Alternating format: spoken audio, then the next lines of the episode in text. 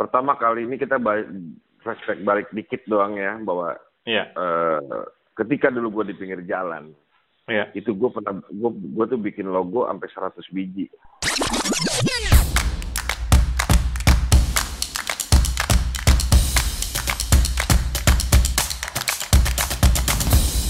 Oke teman-teman kembali lagi di podcast dan ini episode selanjutnya lanjutan dari Haji Yogi yang sudah dapat memecahkan rekor 3000 teks pesanan di dua minggu pertamanya di mana di episode sebelumnya saya menceritakan tentang fakta yang ada di lapangan tercatat di wartaekonomi.co.id rata-rata satu merchant atau satu brand atau satu toko itu menerima pesanan hanya 100 pesanan per bulannya. Nah, ini 30 kali lipat.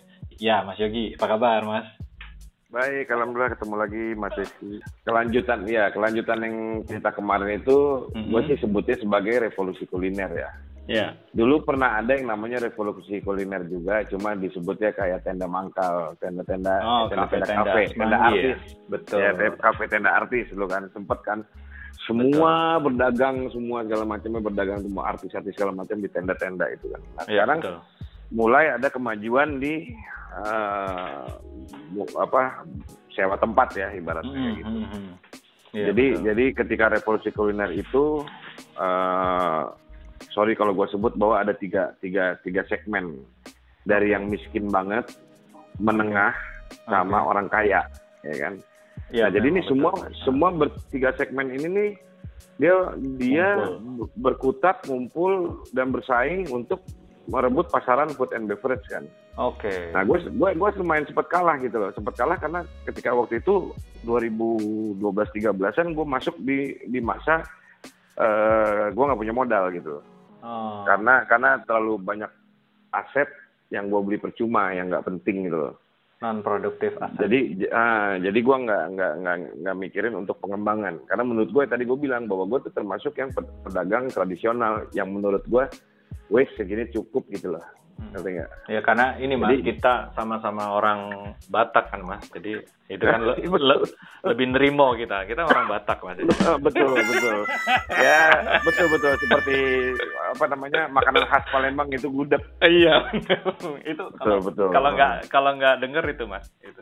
iya betul betul betul Oke, lanjut Mas. oke jadi jadi ketika pas masa itu itu masa sulit gue yang agak terpuruk banget yang menurut gue gue agak down banget gitu loh walaupun Mhm. penjualan masih masih nggak terlalu down banget ya Oke. omset masih bagus segala macam tapi gue down secara secara batin secara apa gue sempet sampai yang agak stres tuh karena ngerasa bahwa gue anjir gue kalah gitu loh Hmm, gue iya, kalah iya, gitu iya. kayak orang main tinju aja gitu gue udah kekuatan gue tuh udah nggak ada segala macam gitu Oke, nah oke. terus sampai itu lumayan berjalan bertahun-tahun gitu loh nah, terus ya akhirnya sampai detik ini sebetulnya corona ini termasuk yang membawa hikmah sebetulnya juga Hmm. Oke. karena di dalam di dalam zona comfort gue ini zona nyaman gue ini sebagai ah gue tiap hari udah datang duit ini gitu loh jadinya Hmm. gue nggak berkembang Oh, dan pikiran oke. gue mandek apa semua segala macam tuh mandek aja dan ditambah umur emang nggak bohong gitu loh Oh. umur itu nggak bohong bahwa kita apa namanya mumpung masih muda emang bener-bener di, di disikat banget gitu loh tapi Iya, dengan iya, planning iya, iya.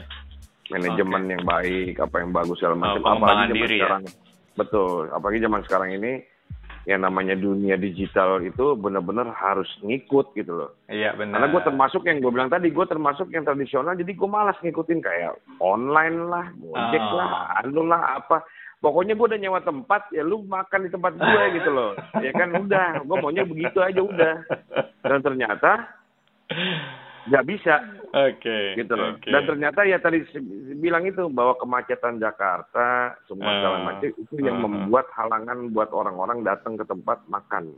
Oke. Ditambah pula gara-gara kejadian revolusi kuliner yang gila-gilaan dari tahun 2010 12 yang mulai gila-gilaan itu Ya. Semua harga sewa properti nah ujublah menjalik semuanya gitu loh. Hmm. Oke. Yang dulu gue cuma nyewa tempat rumah pinggir jalan cuma 25 juta, 30 Ah. juta buat dagang. Sekarang Ah. Bu- 25 juta tuh paling cuma buat bersihin taman doang itu mah. Gitu. Sekarang tuh ruko udah 200 juta, 300 Betul, juta dan segala macam.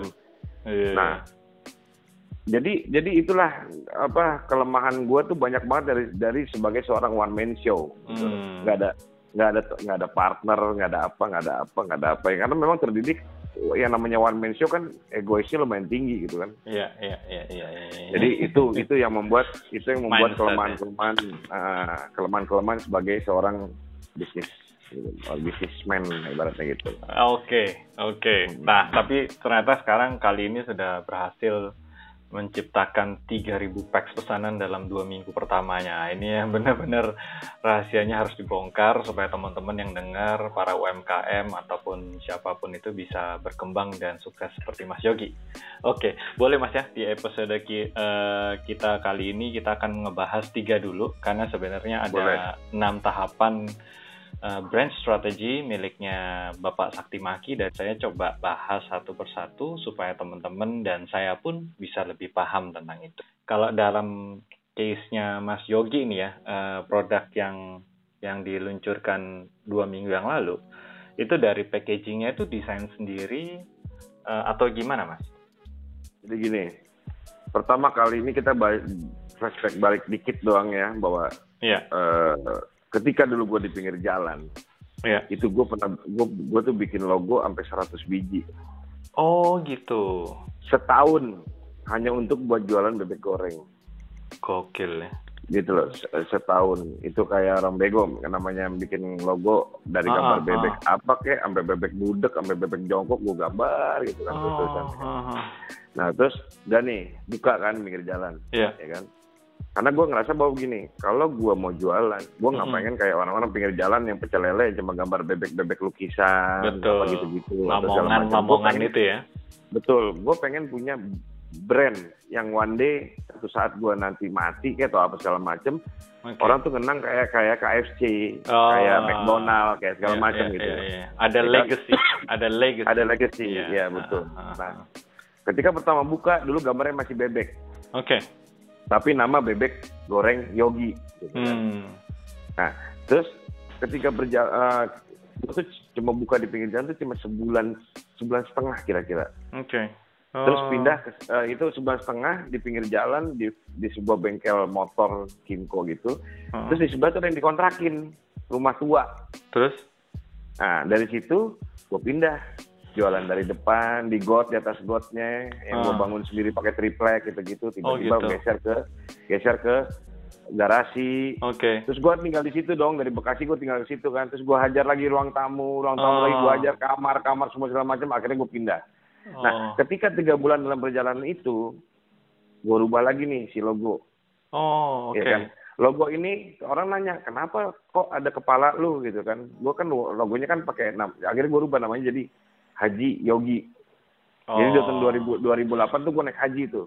Oke. ya kan Oke. gue naik haji dan gue Ah. rubah nama Haji Yogi itu supaya karena tadinya orang menyangka nih gue jualan nih sorry sorry itu saya maksudnya kayak disangkanya karena kan eh, bebek itu lebih lebih apa mindsetnya itu adalah makanan orang Chinese ngerti nggak Oh, waktu itu ya. Oke. waktu itu Ah, gitu jadi ah. dianggap takutnya ada haram halalnya gitu loh ngerti nggak Oh, iya iya. Oh, iya ya Nah, berarti. kok kenapa gue sematkan nama Haji gitu loh? Untuk- bukan karena gue ngerasa pengen disebut Haji bukan tapi salah satu ya gue ber, gua berdagang menajamkan atas gitu nama ya. ah, gue berdagang atas nama Tuhan karena Ah, ah. lu pakai pakai MUI pun yang halal sebutan halal MUI pun itu nggak jamin gitu loh. Menurut gue nggak jamin gitu loh. Nah akhirnya gue tulis lah gue pakai kepala gue kepala gue kenapa gue taruh di situ? Gara-gara gue ngeliat Haji Sa eh, eh, bukan apa soto Pak Sadi. Ah, soto Pak Sadi kan pakai foto Kepala. KTP bro bet. oh, gitu. foto KTP ditaruh bro itu bro ya kan banyak kan lu tahu kan kalau misalnya orang-orang Iya, yang benar. di daerah-daerah ya kan bikin benar, toko benar. apa rumah makan apa muka mukanya yang ditaruh tuh gitu loh bener-bener foto asli yang ditaruh kayak Bu Rudi itu zaman sambal Iya, yang iya, pertama iya, ditaruh iya, fotonya iya. bener. nah, gua Iya. akhirnya gue pakailah foto kawinan gue tuh Oh, gitu. Gue mix mix mix mix segala macem supaya kayak kartun minded gitu yang gue gua gua gua bentuk baru gue sebut nah dari situlah mulai gue oh inilah kekuatan brand image gue ya. Ah. jadi gue gua gua gua benerin terus gue benerin terus sekarang Iya, gue lagi ngeluarin iya, iya. yang lebih ke kartunnya gitu, lebih ke karikaturnya, ibaratnya lebih ke Oke. eh, bukan bukan yang foto asli banget kayak KTP gitu ya. Iya, iya, iya. Gitu. Jadi karena, ada karena menurut lebih ada- mural lah ibaratnya. ada perkembangan Jadi- yang sebelum Betul. generasi sebelumnya foto KTP, sekarang foto Betul. buku nikah gitu ya. Ah, ah, betul. Buku nikah. Iya. Jadi gue mix mix segala macam, gue best Iya, gini iya, maksudnya. Walaupun gue haji, disangkanya tua apa segala macam, tapi gue ngikutin zaman gitu loh maksudnya.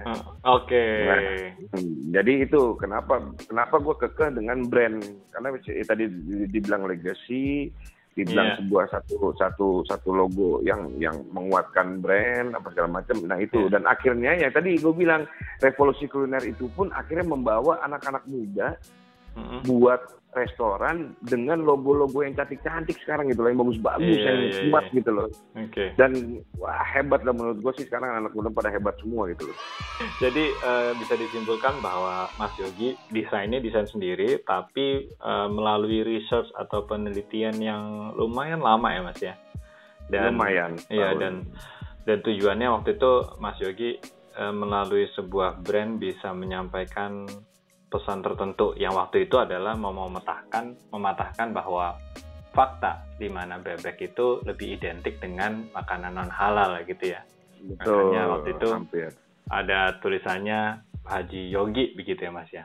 Kita akan lanjut ke episode berikutnya Mas. Oke Mas, kali Ya. itu ya. Oke, Thank you Mas Yogi. thank you, makasih.